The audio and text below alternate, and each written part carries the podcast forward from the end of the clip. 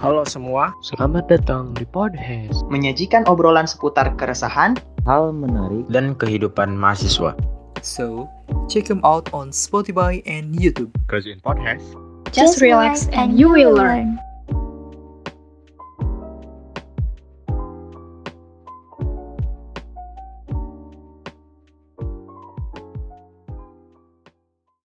Assalamualaikum warahmatullahi wabarakatuh. Kawan-kawan sekalian, seperti yang telah kita tahu, saat ini kita sudah memasuki bulan suci Ramadan dan di bulan yang suci ini, umat muslim di seluruh dunia eh, sedang melakukan eh, ibadah rutin ibadah puasa satu bulan penuh. Dan ibadah puasa sendiri seperti yang telah kita ketahui bukan sekedar urusan menahan lapar atau haus semata. Akan tetapi ada hikmah-hikmah yang terkandung dalam ibadah tersebut. Nah, eh, khususnya bagi kita nih kalangan mahasiswa, apa saja sih hikmah-hikmah yang terkandung dal- eh, saat dalam ibadah puasa tersebut dan bagaimana kita mengimplementasikannya dalam kehidupan kita sehari-hari, eh, baik dalam kita kehidup ke- baik dalam kehidupan kita saat berorganisasi di kampus atau saat menjalankan kegiatan belajar mengajar atau hikmah-hikmah lain yang bisa kita terapkan di lingkungan kita sehari-hari. Nah, maka kita di sini sudah kedatangan narasumber yang sangat spesial, eh, Ketua Jurusan Hukum Ekonomi Syariah, Bapak Dr. Jainuddin MAG. Dan bersama beliau, kita kali ini akan membahas mengenai eh, hikmah-hikmah eh, dari ibadah puasa dan cara mengimplementasikannya dalam kehidupan sehari-hari khususnya bagi kita kalangan mahasiswa. Eh, kepada Bapak Jae eh, menurut Bapak eh, apa saja sih gitu hikmah dari puasa Ramadan ini? Karena kan saat ini tuh secara umum masyarakat masih menganggap gitu ya. Bahkan kalangan mahasiswa sendiri juga masih menganggap bahwa puasa di bulan suci Ramadan ini hanya sekedar ibadah untuk menahan lapar dan haus gitu Pak. Apakah emang sebatas itu atau ada nilai-nilai lai- nilai-nilai lain gitu yang terkandung dalam ibadah puasa di bulan suci Ramadan ini Pak? Baik, Assalamualaikum warahmatullahi wabarakatuh. Waalaikumsalam warahmatullahi wabarakatuh. Bismillah, Alhamdulillah. Wassalatu wassalamu ala rasulillah wa ala alihi wa sahbihi. Asyhadu an la ilaha illallah wa asyhadu anna Muhammadan abduhu wa Ah, Alhamdulillah kita kita sedang melaksanakan ibadah puasa. Yang pertama kita patut puji syukur pada Allah Subhanahu wa taala atas kesempatan dapat melaksanakan ibadah puasa di tahun 1442 Hijrah ini. Karena bagaimanapun setiap orang yang diberi kesempatan oleh Allah Subhanahu wa taala untuk dapat melaksanakan ibadah puasa itu bukan suatu anugerah. Ya. Sebagaimana sering kita berdoa supaya kita dapat sampai di bulan Ramadan artinya bagi setiap orang yang beriman dapat melaksanakan ibadah Ramadan itu suatu peristiwa besar itu salah satunya harus dipandang hikmahnya itu yang pertama tadi ya kalau bisa tentang hikmah bahwa puasa Ramadan itu harus dipandang sebagai peristiwa besar dalam kehidupan. Bagaimana karena tidak semua orang dapat sampai kepada bulan Ramadan ya. Nah itu. Jadi kita harus bersyukur dapat melaksanakan ibadah bulan suci Ramadan ini dengan penuh gembira harus penuh dengan gembira. Meskipun kita dalam kondisi apa di tengah bencana wabah covid ini ya Pandemi. pandemi ini uh, berbagai kesulitan uh, dan berbagai berita-berita belahan pelosok bumi yang begitu menggetirkan kita tetap harus dalam keadaan tabah dan menjalankan puasa ini harus dalam gembira. Ini salah satu hikmahnya. Jadi kita harus menjalankan semua ibadah Allah itu dalam suatu uh, kegembiraan. Artinya kita melaksanakan panggilan seperti melaksanakan panggilan ini ya ya jadi kalau kita dipanggil oleh Tuhan untuk melaksanakan ibadah puasa kita gembira. Sebagai di dalam Quran ini kan ini dipanggil orang-orang beriman untuk melaksanakan ibadah puasa. Kita harus gembira yang pokoknya. Supaya apa? Kita sebagai bentuk syukur kita di antara hikmahnya. Ya, seperti itu. Kita bersyukur pada Allah dapat melaksanakan ibadah puasa dapat menjalankan ibadah puasa. Karena bagaimanapun ini peristiwa besar bulan Ramadan ini. Rasulullah SAW sering mengatakan bahwa bulan Ramadan itu adalah bulan yang agung. Ya. Jadi sahrul adil. Bulan yang agung gitu. Jadi kita juga diberitahu oleh Rasulullah bulan Ramadan adalah bulan agung. Maka bagi siapa pun yang diberi oleh oleh Allah, Subhanahu Wa Taala kesempatan datang di bulan Ramadan maka dia harus bergembira gitu. Dapat sampai kepada bulan Ramadan. Alhamdulillah seperti itu. Dan banyak hikmah-hikmah yang disampaikan oleh Rasulullah dan juga kita bisa kaji uh, di dalam terutama juga di dalam Al-Quran ya.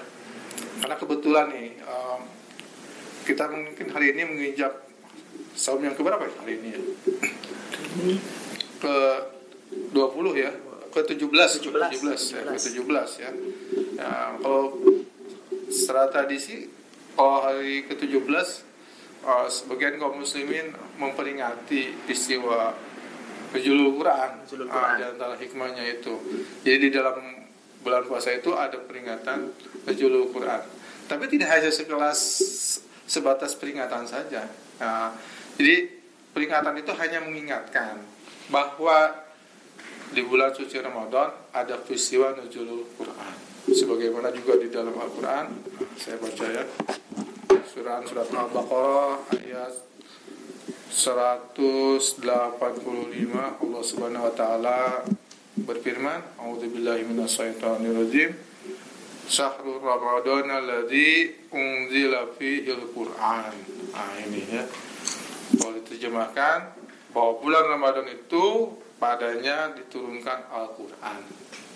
Jadi menurut Al-Quran sendiri, Al-Quran diturunkan pada bulan Ramadan. Itu hikmah. Ya kenapa jika kalau kita korelasikan, kenapa bulan Ramadan itu disebut dengan Sahrul Azim? Karena di dalam bulan Ramadan itu diturunkannya Al-Quran. Suci Al-Quran. Suci Al-Quran. Sedangkan Al-Quran itu adalah mukjizat terbesar. Ya, mukjizat terbesar. Dan Al-Quran itu adalah kitab suci yang diturunkan Allah sebagai kitab terakhir. Nah, seperti itu. Berarti bahkan apa Al-Quran yang mulia diturunkan di bulan yang mulia itu salah satu hikmah terbesar di bulan Ramadan ya Pak. Ya seperti itu. Jadi bulan yang mulia, kenapa? Karena di dalamnya diturunkan bulan apa Al-Quran seperti itu. Itu di antara hikmah yang terbesar yang bisa kita petik gitu dengan adanya turunkan. Tentu dengan turunnya Al-Quran maka uh, memperingat bagaimana mengimplementasikannya. Nah, bahwa Al-Quran turun diturunkan di bulan suci Ramadan. Bagaimana kita ketika masuk bulan Ramadan kita memahami uh, melakukan uh, kajian-kajian terhadap Al-Quran. Mulai dari membaca tilawah Al-Quran gitu ya. Banyak orang uh, masyarakat selalu begitu giat melaksanakan tilawah Al-Quran. Baik pagi siang uh, sore ataupun malam-malam di bulan Ramadan mereka sangat giat sekali atau melakukan kajian-kajian tadarus ataupun uh, telah-telah terhadap Al-Quran itu bagaimana bagaimana itu bagian dari uh, menghormati mengagungkan uh, bulan suci Ramadan di mana waktu itu turun Al-Quran.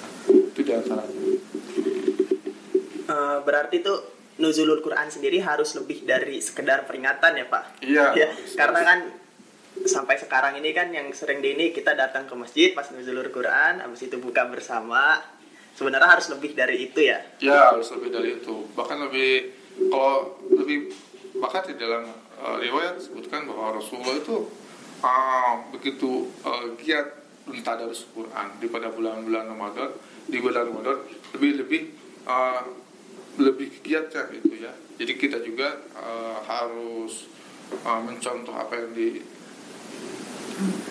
teladankan oleh Rasulullah supaya lebih giat membaca mentadarus Al-Quran.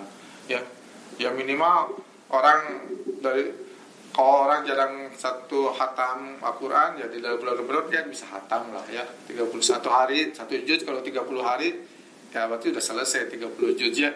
Bisa seperti itu prinsipnya. Jadi orang yang minimal dia bisa yang kalau di bulan-bulan belum jarang hatam di bulan Ramadan hatam. Ya minimal ya satu kali hataman lah. Itu nah, kata Rasul minimal satu hari. Atau dua kali. Atau kalau lebih mampu dalam tiga hari itu hatam gitu ya. Itu lebih bagus maksimal ya. Jadi ada ada aturannya kalau paling cepat ya lebih baik tiga hari bisa. Jadi kalau tiga hari hatam itu sama dengan satu hari 10 juz. Dua hari 20 juz tiga hari 30 juz. Itu lebih bagus itu jangan diusahakan hatam satu hari satu juz. Uh, bukan tidak bagus. Rasulullah hanya memberikan contoh sebaiknya paling cepat hatamnya itu tiga hari aja. Biar lebih memudahkan memahami. Karena membaca Quran juga hanya bukan hanya sekedar membaca pelan-pelan. Agar apa? Dapat dipahami artinya diberi pemahaman terhadap isi kandungan Al-Quran. Jadi kalau menurut salah satu kalau saya tidak salah itu salah satu penyair namanya Muhammad Iqbal itu ya. Uh, tokoh pemikir Islam dari Pakistan mengatakan kita itu kalau memahami Al-Quran ketika memahami Al-Quran membaca Al-Quran itu harus menghadirkan maknanya. Seolah-olah Al-Quran itu diturunkan kepada diri kita. Itu. Nah, seolah-olah gitu ya. Agar apa? Supaya kita um, bisa menghadirkan maknanya menjiwai maksudnya begitu ya. Jadi kalau kita membaca tidak sekedar membaca uh, tapi ada pemaknaan menghadirkan maknanya supaya seolah-olah Al-Quran ini diturunkan kepada kita. Jadi kalau kalau seolah-olah kali ini mulai seolah-olah ya. Jadi kita memahami membaca Quran itu dengan uh, penuh ibadah penuh penjiwaan ya, seperti itu. Supaya kita dapat uh, apa isi kandungan Quran itu bisa uh, kita pahami dapat dapat petunjuk dapat uh, penerangan dapat cahaya dan segala macamnya. Seperti itu. Uh, oke okay, berarti sudah dijelaskan bahwasanya bulan Ramadan ini tidak sekedar bulan uh, umat muslim di seluruh dunia menahan lapar dan haus akan tetapi ada hikmah-hikmah yang lebih penting daripada itu yang uh, bisa kita praktikan dalam kehidupan kita sehari-hari baik di bulan Ramadan maupun di, di luar bulan Ramadan ya Pak. Ya seperti. Oh iya Pak. Di sini saya juga mau membahas gitu mengenai musik kaitan ada kaitannya dengan hikmah. Uh, di bulan Ramadan ini seperti yang kita tahu kan jargon-jargon yang sering diteriakan itu adalah uh, bulan untuk menahan lapar dan haus ya, bulan untuk menahan semangat apa konsumerisme tapi akan tetapi yang terjadi di lapangan justru uh, kalau kita baca-baca bahwasanya tingkat konsumsi naik, terus harga-harga pangan juga pada naik. Yang berarti menunjukkan bahwasanya justru tingkat masyarakat mengonsumsi uh, suatu produk baik barang atau jasa justru lebih meningkat dari luar bulan Ramadan, Pak. Itu bagaimana Pak menurut Bapak mengenai ketidaksesuaian ini? Kalau kita harus melihat peristiwa dengan meningkatnya konsumsi kaum muslimin di bulan Ramadan itu harus dipandang sebagai hikmah juga. Jadi harus dipandang menaiknya konsumsi kaum muslim terhadap pangan itu atau uh, yang lainnya itu dipandang harus sebagai hikmah puasa, hikmah dari bulan Ramadan ini. Gitu. Harus dipandang seperti itu. Kenapa? Karena berarti Allah Subhanahu wa taala menurunkan memberikan tambahan rezeki bagi banyak kaum muslimin di bulan Ramadan.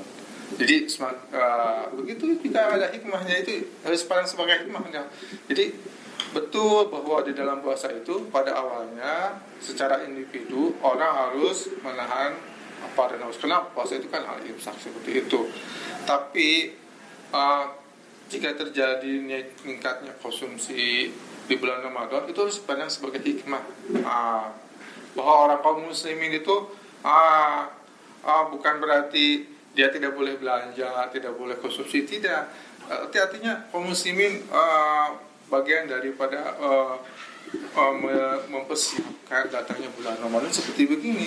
Jadi orang menghadirkan bulan Ramadan, orang menyambut bulan Ramadan, uh, membahagiakan keluarganya, anak-anak, mendidik anak-anak supaya bulan, supaya mereka dapat melaksanakan puasa. Di antaranya menyiapkan uh, konsumsi yang layak gitu. Dan ini mau tidak mau akan menimbulkan uh, meningkatnya konsumsi seperti itu. Jadi itu saya, saya pandang bahwa meningkatnya konsumsi konsumsi itu bagian daripada hikmah di bulan Ramadan gitu uh, bukan berarti bertentangan dengan uh, prinsip uh, prinsip puasa harus menahan lapar dan haus seperti itu. Tapi ini bagian daripada hikmahnya saja seperti itu. Karena begini ya di dalam tradisi orang-orang itu bagian daripada uh, menyambut atau membahagiakan keluarga di bulan suci Ramadan itu di antaranya mereka uh, menyediakan sandang sandang baru ya pakaian baru biar ada semangat nah jadi setiap orang keluarga itu memberikan meningkat itu agar nanti uh, ketika menghadapi bulan Ramadan mereka punya semangat. Nah karena ada pengalaman oh, kalau bulan Ramadan uh, uh, alhamdulillah rezekinya uh, makanan meningkat kemudian ada pakaian baru nanti ya kalau pas akhir Ramadan. Itu juga kan uh, bagian daripada uh, menggem- me- apa men- mentarhib lah gitu mendorong supaya orang ketika menghadap apa menyambut bulan Ramadan ada semangat seperti itu. Tidak lesu gitu ya. Tidak boleh bukan berarti tidak boleh aktivitas ya, tidak. Memang ada di dalam bulan Ramadan itu juga dianjurkan orang untuk uh, beriktikaf ya seperti itu. Tapi itu sepuluh sepuluh hari terakhir kan seperti itu. Tapi bukan berarti Rasulullah Rasul sendiri kan tidak tidak melarang uh, menaikkan konsumsi. Bahkan di beberapa negara muslim bulan Ramadan itu di mana-mana pasti uh, tingkat konsumsi malah naik ya seperti itu. Itu, itu bagian daripada hikmah hikmahnya mungkin uh, bahwa di bulan Ramadan rezeki-rezeki bagi kaum muslim itu semakin banyak seperti itu. Alhamdulillah kita harus menyambut positif Pak seperti ini. Seperti itu menurut saya. Berarti jangan dipandang dari jelek-jeleknya aja ya Pak. ya betul. Karena ya eh, perlu diakui juga bahwasanya sering gitu saya temui baik di sosial media atau di media-media lain gitu yang mencibir gitu. Umat muslim katanya bulan menahan hawa nafsu akan tetapi kok tingkat konsumsi naik orang-orang pada belanja makin gak terkendali. Tapi justru di balik peristiwa itu sebenarnya ada hikmah yang sangat besar yaitu sebagai salah satu bentuk kita meningkatkan spirit kita untuk menyambut bulan Ramadan ya Pak. Ya seperti itu. Bahkan aspek lainnya kan ini bagian juga menumbuhkan ekonomi masyarakat juga kan Ah, di bulan Ramadan itu begitu banyak kalangan masyarakat yang banyak terbantu dengan ah, konsumsi saling apa konsumsi produksi kan meningkat seluruh masyarakatnya juga. Dan peredaran ekonomi semakin berputar di bulan Ramadan ini dengan meningkatnya konsumsi kaum muslim seperti itu. Harus pandang seperti itu positifnya. Ah, karena ah, harus di ah, kalau tidak tidak meski eh, tidak seperti yang lain tidak lesu kan gitu ya. Artinya harus dilihat secara positif ah, dengan konsumsi meningkatnya konsumsi muslim di bulan Ramadan ini berapa oh tingkatnya mungkin ada penelitian yang lebih lebih lebih yang meneliti secara serius berapa sih konsumsinya? Bahwa dampak kontribusi kaum muslimin terhadap eh, peredaran ekonomi kan ada juga sangat besar sekali seperti itu ya. Nah itu saya pikir begitu. Harus lihat sisi positifnya ya. Ah, gitu. Dan ah, kalau orang berpuasa ya waktunya berpuasa ya berpuasa. Seperti itu. Tidak ada larangan seperti itu ya. Maka kalau kita punya rezeki sebaiknya rezeki itu di, dibelanjakan ya. Jangan disimpan gitu. Kalau orang kaum muslimin punya rezeki ada uang lebih jangan disimpan. Harus dibelanjakan. Pertama belanjakan itu pertama memenuhi kebutuhan dirinya kebutuhan keluarganya atau dibelanjakan dengan cara mensodokohkan. Dan di antaranya di bulan Ramadan itu kan uh, tidak hanya konsumsi tingkat sodakohnya juga kan semakin meningkat juga. Ya kegiatan-kegiatan sosial kan meningkat itu. Itu kan bagian dari pembelanjakan ekonomi pembelanjakan itu. Itu yang harus dilihat.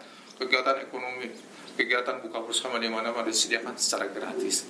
Itu kan bagian daripada bagaimana komisi membangun solidaritas sosial mengeluarkan biaya dan segala macam. Itu harus dilihat seperti itu. Menurut saya seperti itu. Eh, baik berarti justru kalau misalnya tingkat konsumsi ambruk pas bulan Ramadan nggak baik juga buat perekonomian negara berarti ya? Ya seperti itu mungkin ya. Nah, ya kita harus melihat pokoknya meningkatnya konsumsi di bulan Ramadan itu sangat berpengaruh positif ya. Dan itu memberikan hikmah yang besar bagi kaum muslimin dan juga bagi umat yang lain insya Allah. Eh, selanjutnya Pak, nih kan eh, kita ini kan di era yang di era globalisasi di mana teknologi sudah sangat merasuklah dalam kehidupan sehari-hari kita, tidak seperti saat zaman-zaman dahulu gitu mungkin. Jadi apa apa saja sih Pak menurut Bapak tantangan-tantangan yang dihadapi oleh umat muslim sekarang ini ag- dalam bulan Ramadan gitu? Khususnya untuk mengimplementasi dalam mengimplementasikan hikmah-hikmah yang tadi baru kita bahas gitu Pak. Pasti kan berbeda gitu tantangannya saat zaman masih zaman Rasulullah atau zaman penjajahan Belanda dulu dengan zaman kita tantangan-tantangannya menurut Bapak yang dihadapi oleh kita di bulan Ramadan Pak? Ya setiap zaman itu punya tantangan tersendiri ya. Tantangan hari ini tantangan media dan segala macam ya. Ah, kita harus bisa menempatkan kemajuan teknologi kemajuan media itu sesuai dengan tempatnya. Bahkan harus digunakan untuk keperluan-keperluan yang positif yang menunjang berkontribusi terhadap positif. Mengembangkan ilmu mengembangkan pengetahuan mengembangkan siar Islam dan segala macam. Itu harus digunakan hal yang sangat positif. Jangan menggunakan kemajuan-kemajuan yang hadir hari ini eh, malah berdampak negatif untuk kehidupan masyarakat seperti itu. Tentu ini juga perlu pembinaan kepada masyarakat eh, pengajaran kepada masyarakat dan juga harus terus menerus diingatkan bahwa dengan tantangan-tantangan teknologi media yang hari ini begitu gencar apalagi ketika sedang melaksanakan ibadah puasa orang malah terbuai dengan kemajuan seperti ini lupa dengan kegiatan ibadah yang paling pokoknya seperti itu bukan berarti tidak boleh lebih baik itu memang digunakan diarahkan untuk kebutuhan yang sangat positif ya Ah, karena bagaimanapun yang namanya kemajuan-kemajuan teknologi, kemajuan media itu tergantung bagaimana kita mau menyikapi dan menggunakannya. Tentu yang diajarkan, yang dituntutkan adalah supaya digunakan dengan positif, dengan sesuai dengan hal yang baik, gitu. Seperti itu menurut saya.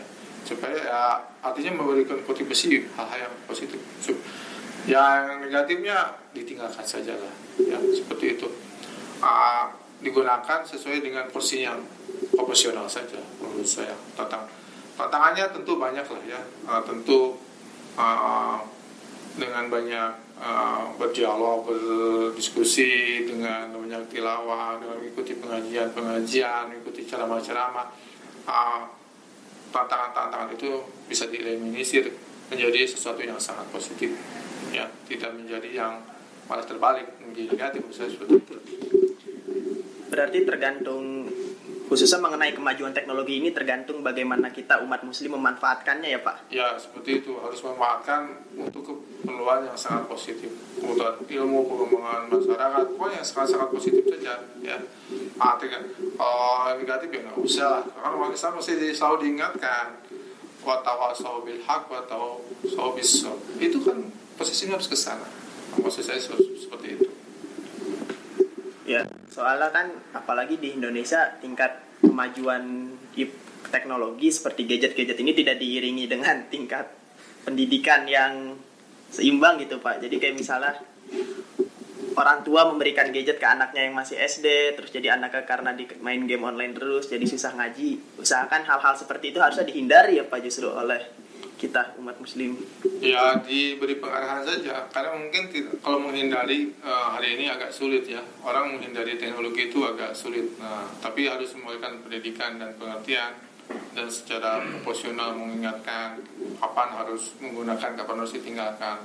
Supaya tidak terus menerus atau istilahnya eh, melakukan lupa dengan aktivitas yang seharusnya belajar dan segala macam. Itu harus diingatkan sebetulnya.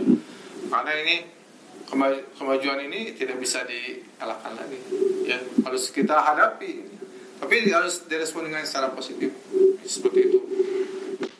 Itu menurut saya. Apalagi di bulan Ramadan ini orang malah ikut lihat eh, apa seharian misalkannya eh, menggunakan gadget ya asal dengan cara menggunakan positif yang jadi tidak jadi masalah menurut saya. Karena kita eh, menyadari juga kita tidak bisa menghalangi seseorang eh, untuk menggunakan teknologi gadget seperti itu. Karena ini bagian dari kemajuan zaman ya. Nah, seperti itu. Ah, tapi mengingatkan saja bahwa kita harus menggunakannya secara proporsional dan jangan lupa dengan aktivitas-aktivitas yang lain. Seperti itu menurut saya terutama mahasiswa juga ya. Harus harus seperti itu mengingatkan. Ah, apalagi dalam kuliah kegiatan yang secara daring itu kan bagian dari pada teknologi kan? Ah, gitu, seperti itu. Itu menurut saya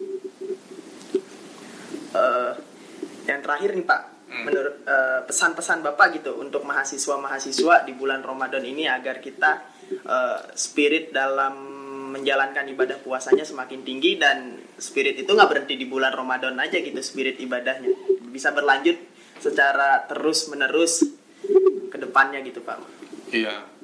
Di sisa bulan Ramadan ini kita harus memanfaatkan waktu ini semaksimal mungkin, ya. Jadi sisa waktu bulan Ramadan ini harus memanfaatkan semaksimal mungkin. Apa yang kita evaluasi sebelumnya sangat kurang harus ditingkatkan hari ini. Misalkan tilawah Qurannya kurang, coba ditingkatkan hari ini. Ah, tadarusnya kurang ditingkatkan hari ini. Dan juga harus berimplikasi setelah Ramadan ya. Kita bisa memandang Ramadan ini sebagai momentum untuk memenuhi spirit kita.